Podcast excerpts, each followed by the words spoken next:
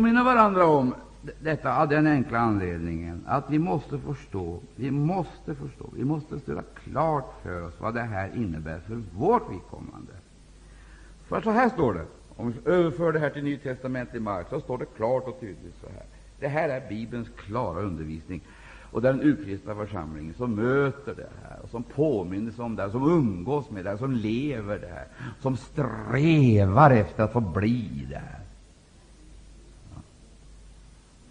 Det heter Ty jag vill säga er detta, mina bröder, våra fäder vore alla under månskyn och gingo alla genom havet. finns inget undantag. finns inget undantag. På pingstdagen fanns det inget undantag, det blev alla uppfyllda. Nu får man vara glad om det är några som är andesmorda. Någon.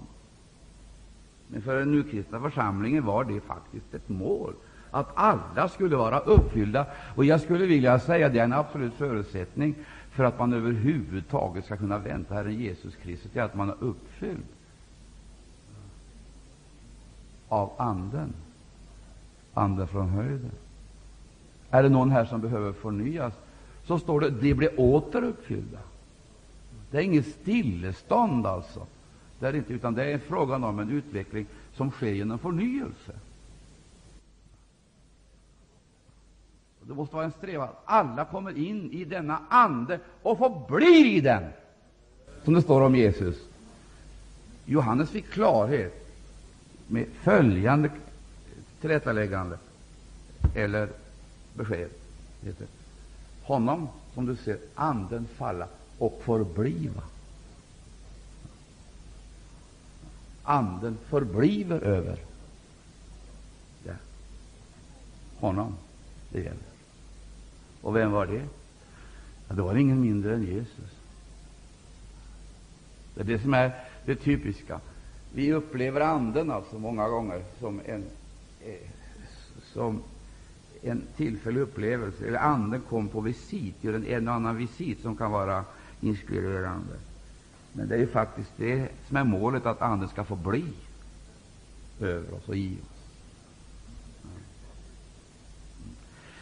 Nu tröttar jag er här, och jag, får, jag, jag tar risken att hålla på en stund till. Det heter så här, våra fäder vore alla under molnsken, alla genom havet. Och så, alla blev i molnsken och i havet döpta till Moses, döpta i molnsken, döpta i havet vattendop, andedop, alla, alla, alla. Nu ifrågasätter man ju alltid, måste man bli döpt? Och vilket dop ska man döpas till? Finns det flera vatten? Finns det flera former? Finns det flera? Måste man döpas på det här sättet? Och måste man eh, följa eh, den här undervisningen? Och måste man vara med här och vara med i detta? Det står alla. Jag kan inte få det här till någonting annat än alla. Är det alla, så är det väl alla då. Kan du vända på det, så blir det alla i alla fall. Alla blev de i havet efter de Moses. Alla åt de samma andliga mat. Alla åt de an, samma andliga mat. Det innebär ju enormt mycket smaksättningen. Vem har smaksatt Vem har gjort detta? Vem har smaksatt? Hur passar det oss? Passar oss överhuvudtaget? Ja, bara enkelt och enkelt envisas med att påstå att detta gällde alla.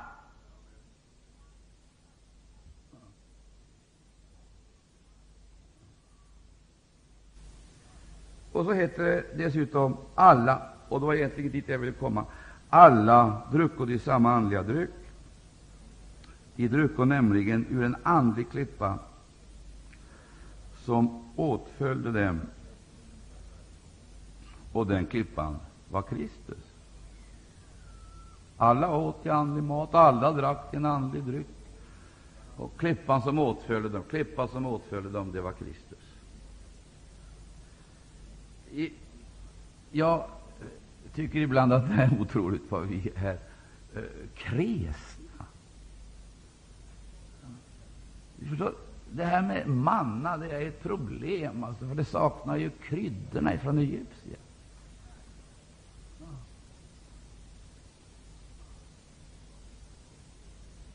Det är inte de där sensationella smakerna som vi har vant oss vid och som vi tror måste vara med för att vi skall bli mätta, få näring. Herre, Herre, du vet vad vi vill ha. Tack att du inte ger oss det. Tack att du i varje tid ger oss det vi behöver. Just då och just nu.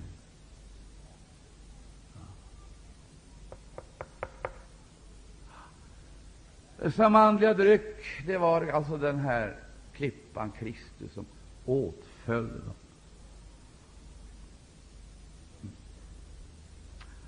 Och litet längre ner i det här kapitlet så heter det så här. Men detta vederfors dem för att tjäna till varnagel, så att det kom alltså en mellanperiod här, som jag går förbi nu. Men det tjänade, det hade alltså ett syfte.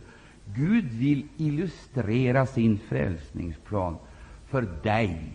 Och då tar han faktiskt ett helt folk, uttar ett helt folk, uttar ett helt genom vilka han illustrerar sin frälsningsmetod. Så att vi inte ska gå vilse, inte gå under, men nå målet för vår tro, själens frälsning.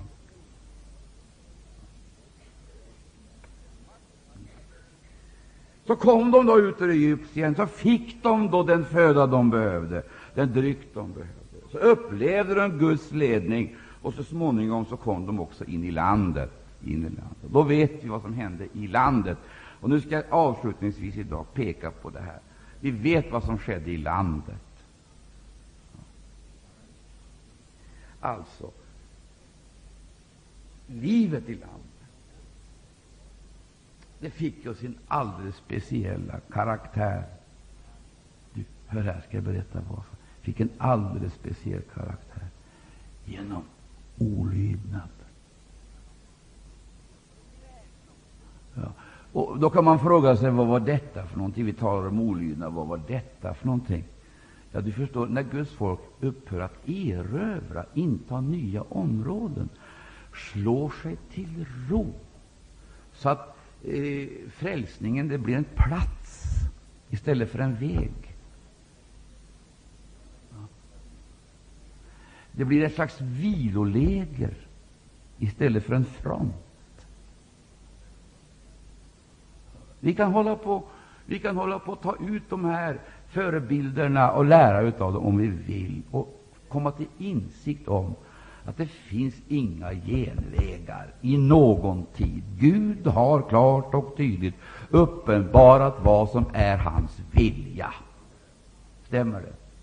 Med den enskilda människans liv och med sin församling. Så här sades det på ett mycket tidigt stadium. Ordet är det mycket nära i din mun och i ditt hjärta. Vad är det som är nära ordet? Och vad innebär det? Ordet är dig mycket nära i din mun och i ditt hjärta. Men konsekvensen kan vi ju inte stryka över, så du kan göra efter det. Alltså, ordet måste förkroppsligas och gestaltas. Och det, är det, det gäller också i vår tid. Och Nu vill jag till sist här att vi ska dröja en stund inför just det jag har eh, beskrivit i ett tidigare möte. Det kan vara svårt att gripa tag i det här. Vad är världen? Vad representerar världen? Här läste vi om Egypten. Vad är Babylon? Eftersom Bibeln ständigt återvänder till undervisning om Babylon, Babylons fasor, bedrövligheter. Och det gäller självklart inte allmänt och generellt, utan det är fasor och bedrövligheter för Guds folk. Det står faktiskt att detta folk som hade intagit landet bortfördes i fångenskap. Och vi möter signaler i Nya testamentet av den här karaktären, som det finns all anledning för oss att läsa. Det var det jag menade då när jag inledningsvis sa att vi får akta oss att vi inte får favoritställen i Bibeln och förälskar oss i dessa favoritställen. Vi stryker under dem med rött och, rött och blått eller några andra färger och så återvänder vi till dem en och annan gång eller många gånger för att få välsignelse eh, ut Eh, av just de orden. Om vi går till Kolosserbrevet. Det finns flera eh, det finns flera det finns anledning att läsa flera ställen i Nya testamentet om det här. Därför att vi möter samma fenomen alltså på Nya testamentet. I mark läser vi Kolosserbrevet 2. I Kolosserbrevet 2 där heter det så här i första versen. Jag vill nämligen att ni skulle veta vilken kamp jag har att utstå för eder och för församlingen i Laodicea, för alla de andra som icke personligen har sett mitt ansikte. Man skulle kunna säga så här att det som är typiskt för en levande församling att den befinner sig i en fruktansvärd kamp, en oerhörd kamp. Jag tror att vi ibland förandligar den och många gånger återigen materialiserar det hela. Därför så blir det lite luddigt för oss vad egentligen det hela gäller. Men det är egentligen, egentligen är det oerhört enkelt. Han talar om en kamp för församlingen i Laodicea. Och vi kan ju förstå kampens karaktär om vi läser sändebrevet till Laodicea. Farorna som finns för församlingen att just sekulariseras, alltså förvärldsligas. Och då är frågan igen, var hämtar den förvärldsligade församlingen sina förebilder ifrån? Var får den sin inspiration ifrån, eftersom den uppträder med en sån oerhörd självsäkerhet? Jag är rik, mig fattas inte. En sån självsäkerhet och en sån självgodhet och uppenbarligen åtminstone menar sig ha mycket stor kunskap, som den åberopar. Jag är rik, mig fattas inte, och så vidare. Vi skulle kunna använda olika uttryck för att beskriva Laodicea. Vi kan kalla den sekulariserade församlingen, alltså den förvärldsligade församlingen. Vi skulle kunna kalla den den ekumeniserade församlingen, vilket också hör med. Och vi skulle kunna kalla den den politiserade församlingen, den kommersialiserade församlingen. Vi skulle kunna kalla den precis vad som helst, och det stämmer. Den demokratiserade församlingen, Laodicea betyder folkvälde. Och du vet vad folkvälde alltid har lett fram till. Det är att släppa fram eh, massan och låta massan avgöra, fatta beslut och upprätta en myndighet härledd ur massan. Men det gäller inte för Guds rike. Guds rike är ingen demokrati, kommer aldrig att bli det. Guds rike är en teokrati, och församlingen ska alltså då förkroppsliga, inte vad tiden alltså representerar av ideal och mönster, utan det är frågan om mönsterbilden som är oss given i Skriften. Mönsterbild. Finns det en mönsterbild här? Är den värd att följa? Ja. Det finns naturligtvis en mönsterbild, men det är helt uppenbart. Här är vi mer eller mindre stora hinder för förverkligandet, eftersom vi bär inom oss en bastion, en bastion av vad då? Att tänka efter. Vad är det för bastion som så fruktansvärt påtagligt befäster sig i alla tider. Definitivt inte låter rucka på sig. Vad är det? Ja, det är naturligtvis den bastion som har byggts upp. Det är frågan om den eh, det är frågan om det självbevarelsen dikterar. Självbevarelsen dikterar. Här sitter vi alltid, eh, skulle jag vilja påstå, i varje ny situation då vi möter de här uppbrottssignalerna så sitter vi fast, eller maktblock som vill hindra oss själva. Men vi måste få tag i den tro som är lik senapskorn, så vi kan säga till detta block, detta berg, detta block, block, maktblock, ja, som vi har inom oss och som vi tillsammans i mycket stor utsträckning eh, representerar. Detta block. Häv det upp och kasta i havet, så att det kan bli en banaväg, framkomlig väg. Gud vare lov. Då vi läser här i Kolosserbrevet eh, 2 eh, så står det vidare ty jag, ty jag önskar att deras hjärtan skola få hungnad därigenom att de slutar samman tillsammans i kärlek och komma till en full förståndsvishet, hela rikedom, till en rätt kunskap om Guds hemlighet, vilken är Kristus. Jag tycker vi skulle läsa det en gång till. För här kommer vi in på kärnan. Jag skulle vilja kalla det för kristendomens kärna. Och här ligger hemligheten, och jag skulle vilja säga den enda, till det som vi kallar för tillväxt, fastän vi i vår okunnighet vill reducera det här med tillväxt till en fråga om rekrytering. Vi vill se våra matriklar eh, friseras, och vi vill se andra eh, statistiska och numerära framgångar som kan mätas med just politiska instrument. Just politiska instrument. Predikanterna talar ett politiskt språk och vi duperas av det. Och vi, eh, vi påverkas av politiska appeller till insatser och demonstrationer. Vi ska ha bönemöten som blir politiska bönemöten, offentliga möten och demonstrationer. Det är alltså politiska demonstrationer som inte, jag skulle vilja säga, rör någonting annat än människornas hygieninstinkt och nyfikenhet. Vi vill göra publika insatser som applåderar av samtiden, och vi vill helst uppträda så vi kan säga att vi är minst lika många som de andra, eller vill säga de som så att säga arbetar i de politiska organisationerna. Vi är minst lika många, och vi ställer våra krav. Det är politiska krav, det är politiskt språk, det är politiska metoder och så vidare som ligger långt utanför Nya testamentets värld. Det innebär inte att församlingen inte skall demonstrera, men det ligger på ett helt annat plan, och det måste vi få klart för oss. Därför läser vi det här en gång till. Vi läser en gång till. Det här är enkla, mycket enkla sanningar, men fruktansvärt svårt att tillämpa, av den enkla anledningen att vi har den här bastionen i vårt väsen som sätter hinder, stopp, för en sån process. Ty jag önskar att deras hjärtan skulle få hungna därigenom att de sluter samman i kärlek komma till full förståndsvishet, hela rikedom. Vi vet ju hur, speciell, hur lätt vi blir estradörer som debatterar, diskuterar, resonerar.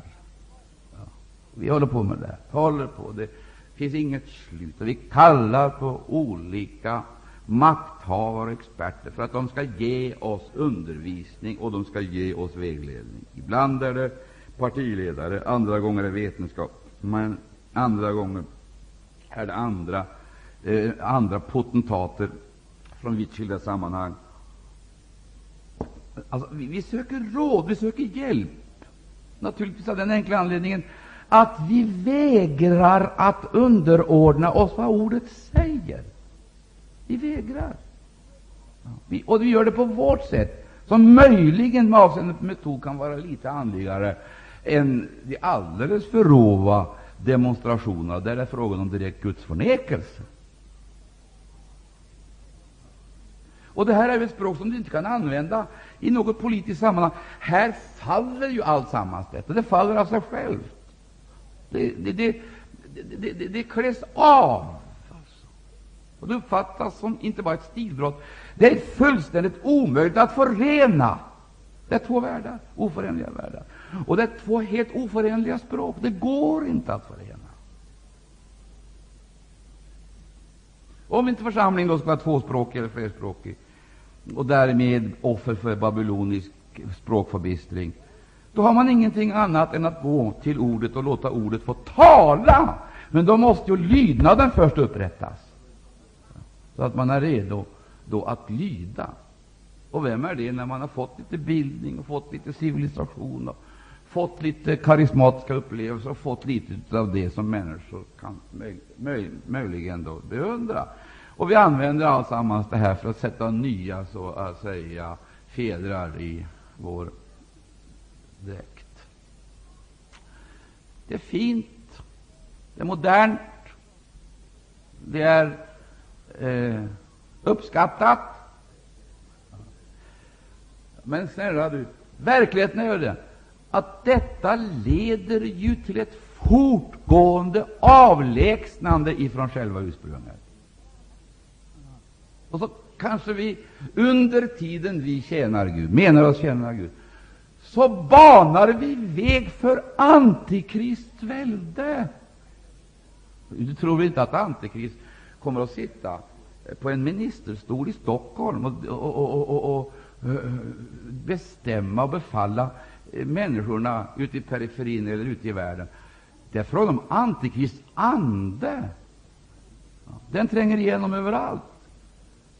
Antikrists ande. Och Antikrists ande, det är ju en andemakt som infiltrerar och konspirerar och infiltrerar. Och det är frågan om en slutlig integration. Det vill säga, det är inte så att Guds rike går upp i världen. Det är frågan om att världen neutraliserar Guds rike, eller driver det utanför sina territorier eller områden. Så det blir en omöjlighet att vara en kristen.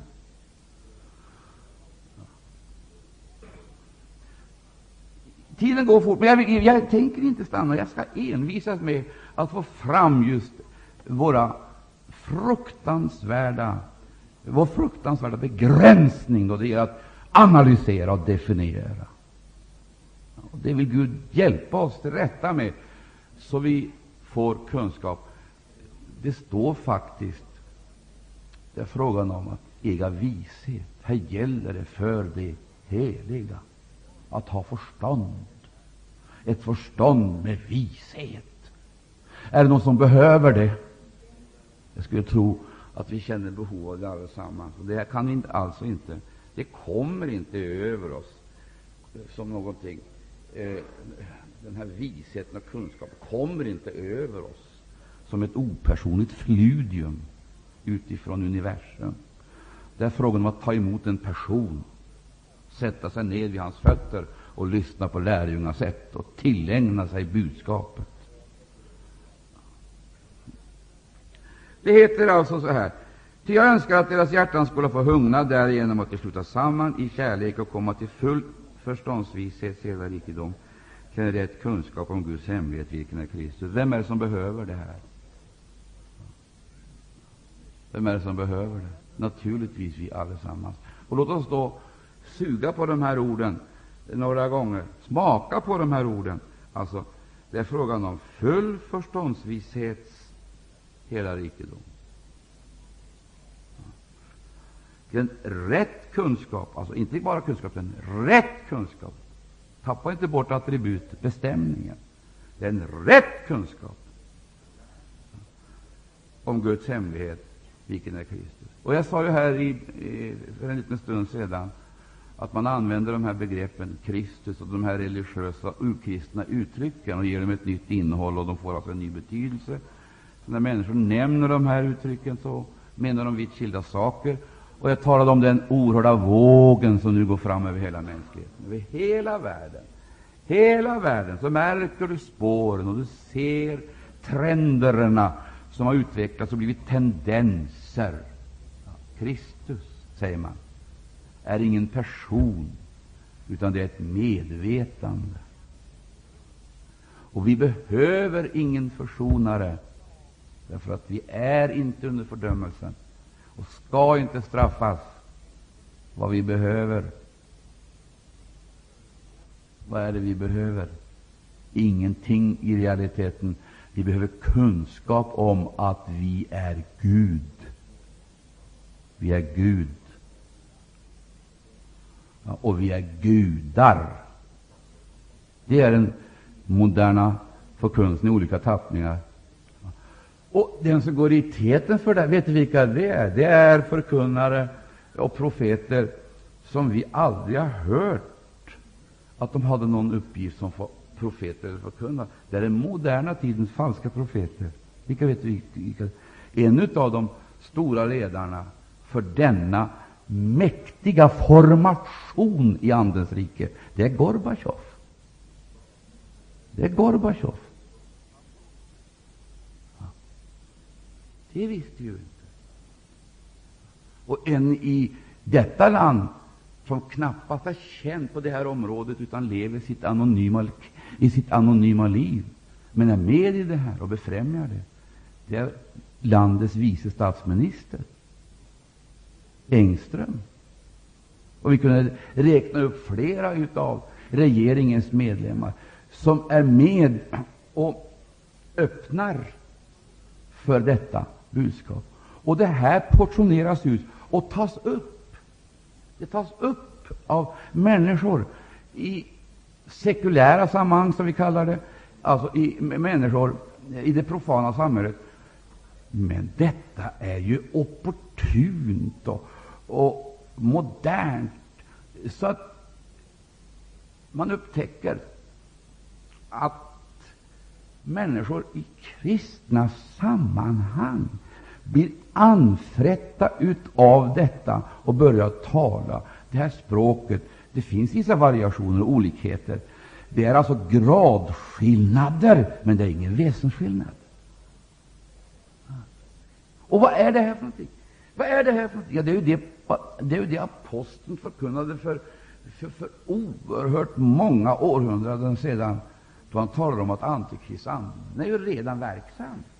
Den, den arbetar metodiskt och systematiskt på att nå det slutmål som går ut på att förneka att Jesus är Kristus, Guds son. Ja. Det, det arbetas fram alltså, metodiskt. Varje generation har varit med och fört den här förkunnelsen vidare. Och nu ser vi inte bara embryot, som man sa i kristen tid. Nu ser vi fostret färdigt att förlösas i kulturen. Inte lokalt, och regionalt och nationellt, men globalt. Ja, och jag är helt övertygad om att det är detta Jesus menar då han säger tiden kommer då icke kan verka. Det står inte inte får, men kan. Orden är förstörda. Allt är förstört, så till den milda grad att det är totalt förbrukat. Och man kan inte så att säga predika. Det finns ingen, finns ingen anknytning för evangeliet. Och därför när jag talar nu, så talar jag med den eh, eh, innerliga förhoppningen att vi ska få klart för oss att det är så fruktansvärt svårt att kunna se dessa skillnader, så man måste ha andebedömning och profetia och kunskap. Förståndsvishets hela rikedom, så att man känner Kristus, vet vem han är, vad han är, vad han gör, vad han vill. Och så måste man uppleva det, det, det här förhållandet de som hör honom till, han har dispositionsrätten, äganderätten till oss. Vår tid, vår kropp, våra resurser, det tillhör honom. Alltså att höra honom till. Vi hör inte världen till. Vi hör inte samtiden till. Vi hör honom till. Och därför ska du få se att det är just de här människorna som blir de farliga. Men de måste få liv och kraft och frimodighet.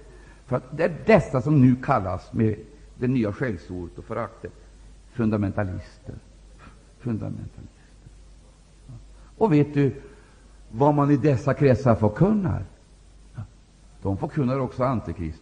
Men de säger det är de här kristna fundamentalisterna, säger de, som är Antikrist. Så att de sant Kristus troende kommer ganska snart de som nu stämplas som fundamentalister och sekterister och allting annat eh, som man använder för att psyka ner människorna. Riktigt stämpla dem med sitt förakt och sitt hån. Det är de som beder och ja, vittnar och talar om hans uppståndelse, om synd och nåd och Jesu tillkommelse. de som talar om detta. Det är de där fundamentalisterna, eller bokstavstroende. De ska neutraliseras. Mm. Det är antikrist, och de ska neutraliseras. Det vill säga, det är de sant och rätt troende som kommer att bli betraktade som antikrist av den här världen. Och de som kommer att gå i täten för detta, det är kristenheten och framför allt alla andedöpta avfällingar. Ty den som anförde, de som anförde, de som grep Jesus, den som anförde, det var Judas, som hade varit tillsammans med honom, ja, som visste om honom, kände igen hans röst och hans sätt, och hade närkontakt med honom. Det var Judas som ledde dessa angripare till Jesus. Och det, han förrådde Jesus med en kyss. Och det ligger mycket, mycket mer i det än, vi vill, än vad vi vill tro om. Det är därför att det är så förfärligt farligt. Därför att den, ekumenik, den ekumeniserade kristenheten, den politiserade kristenheten, den är fruktansvärt farlig. För den går i täten för avfallet med accelererande rörelse och kommer så småningom att kommer så småningom att genom sina skickliga teologer med hjälp av katolicism, protestantism och sen också med hjälp av andra eh, religioners teologer skapa den syntes, den syntes som möjliggör den här förföljelsen som blir en helt ny karaktär. Du kommer att stämplas helt enkelt som antikrist. Sen, eftersom man har övergivit tron på synd, eller straff eller fördömelse, så kommer resultatet av det här att bli att man undan utrotar. utrotar. Och det kommer att ske på ett otroligt förnämt sätt. Det kanske du börjar ana när den nya, när den nya världsreligionen börjar tala sitt språk om människovärdet. Alltså, Gudsbilden är förändrad, Kristusbilden är förändrad, människosynen är förändrad. Man börjar tala om att människan, hon är Gud. Hon är Gud, och hon ska bli Gud. Om hon dör, så är det ingen katastrof. För då är det bara frågan om att överföra henne till ett nytt område, till en annan plats, där hon ska förädlas. Det blir alltså inte fråga om martyrium eller förföljelse i gammal mening, utan tvärtom det är rensnings och reningsaktioner. Mänskligheten ska renas renas och förädlas. Och den som opponerar sig eller visar tendenser till upproriskhet eller motstånd, de måste överföras till andra områden, inte förföljas självklart. De ska överföras till andra platser där de ska vara med om den här luttrings och reningsprocessen för att återkomma som Gud eller gudar. När jag talat här nu så är jag helt medveten om att det är mycket jag har sagt som det inte går att smälta på en timme. Det är omöjligt. Men jag har väckt tanken. Du måste göra klart för dig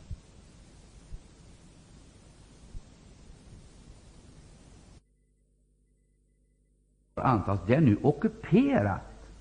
Först antastade man exempelvis frågan om jungfrufödelsen, uppståndelsen, Jesu uppståndelse, Jesu liv, och så har man fortsatt punkt efter punkt att angripa frågan om Jesu tillkommelse och så vidare. Nu angriper man det profetiska ordet utifrån eh, samma eh, grunder och med samma eh, ursprungliga källor angriper, antastar man för att så småningom ockupera. ockupera. Man skapar alltså inte bara eh, frågor, utan man angriper och ockuperar territorium efter territorium och driver trons folk bort ifrån det som var det ursprungliga och kännetecknande. Och så får man en surrogatreligion. Hänger man sig åt den religion som har blivit legitimerad, erkänd, betraktas som en del utav den nya världsordningen. Den nya, den nya strukturen och den nya religionen. Mina vänner, nog behöver vi möta Jesus. Bli medveten om att allt som tar synlig gestalt har varit föremål för en process i den osynliga världen. Och det som tar synlig gestalt är en klar och tydlig markering av Antikrists andes genomslagskraft.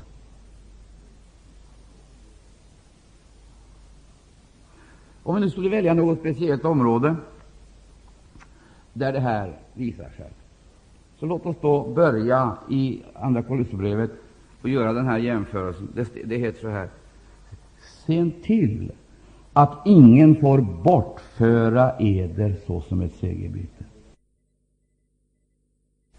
Genom sin tomma och bedrägliga vishetslära, i det att han åberopar federnärvda människomeningar, håller sig till världens makt makter och icke till Kristus.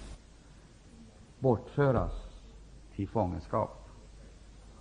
Bortföras för att integreras med någonting annat, en annan Kristus, uppfylld av en annan ande och förkroppsligande ett annat evangelium.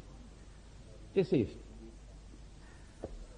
så vill jag göra klart för dig det finns inga som helst möjligheter. Det finns definitivt inga som helst möjligheter att bli bevarad genom erfarenheter eller kunskap som man möjligen har förvärvat tidigare. Det vill säga gårdagens erfarenheter är definitivt inte tillräckliga för att möta dagens svårigheter. Gör inte. Och den kunskap som tidigare generationer har förvärvat räcker inte till för att möta de svårigheter som den sista generationen kommer att möta. Det är ett kompakt motstånd. Och det är ett komprometterande eh, evangelium. Och det är en massiv och fruktansvärt aktiv andemakt som målmedvetet vill utsläta din profil, släta ut din personlighet, beröva dig din tro, få den utbytt mot en tro som till sitt eh, som, som är avsänd på ursprung och konsekvenser är helt annorlunda. Och en verksamhet som ligger långt utanför de mönster som vi möter här i jorden.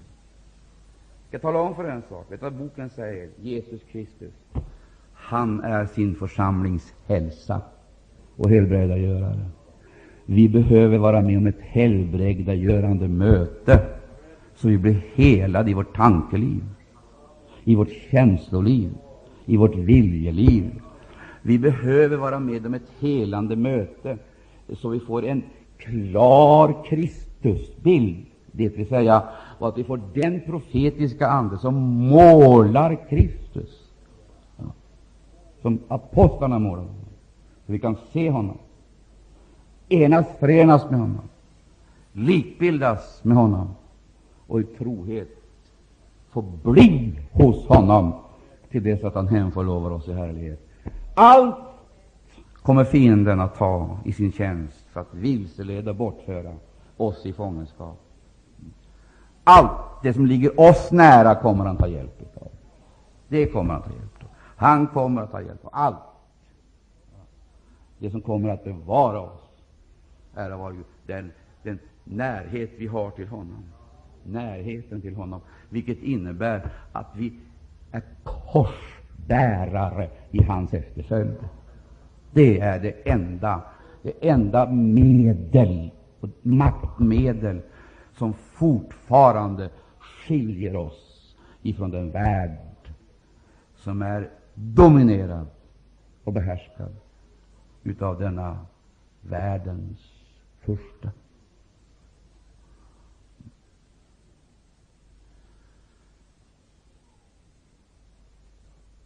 Börjar vi då läsa skrifterna och börjar fortsätta läsa, fortsätta läsa, fortsätta, kommer att växa upp inom oss kommer att växa upp en front, en motståndsfront emot alla dessa fenomen och former.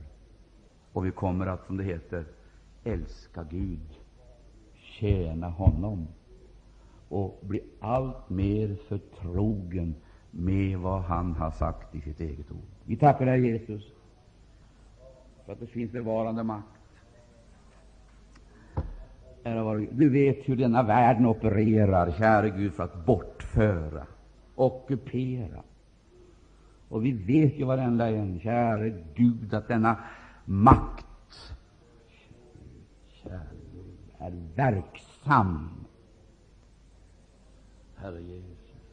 Du ser vilket område, Herre Jesus Kristus, som måste förnyas. Och du, du vet att bevakningen måste skärpas och beredskapen måste höjas, käre Gud.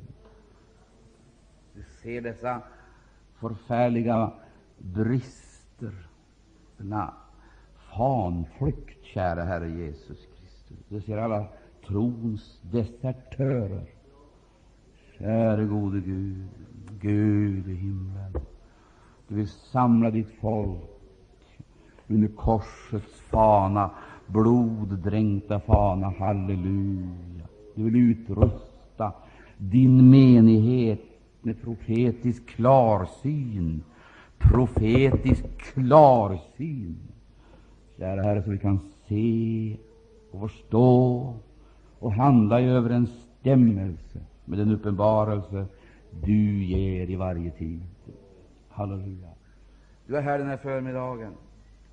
Gröpa ut, kära Herre Jesus, vår inre värld, så vi får andliga djup. Gud i himlen, fyll oss, fyll oss, fyll oss med din Ande, kära Herre Jesus Kristus, som du och utgöt över församlingen för att den skulle träda fram som ditt folk ett egendomsfolk som Udomondorio, som beflitar sig om att göra vad gott är. Halleluja, halleluja, halleluja, halleluja. Du har icke lämnat oss faderlösa. Du har inte lämnat oss utan vapen. Du har sänt oss den helige Ande, som skall leda oss fram till hela sanningen. Halleluja, hela sanningen, den oförfalskade sanningen. Åh, oh, halleluja. Låt det här vi nu har talat få sjunka ner i vårt hjärta. Sjunka ner, bevaras där och ge oss kraft, Herre. Halleluja, att gömma det. Tack att du hör bön. Ta hand om varje broder och syster. Ta hand om varje broder och syster, ung eller äldre. Gud i himlen. Åh, oh, halleluja. Vi prisar dig för seger och Fader i Jesu namn. Amen.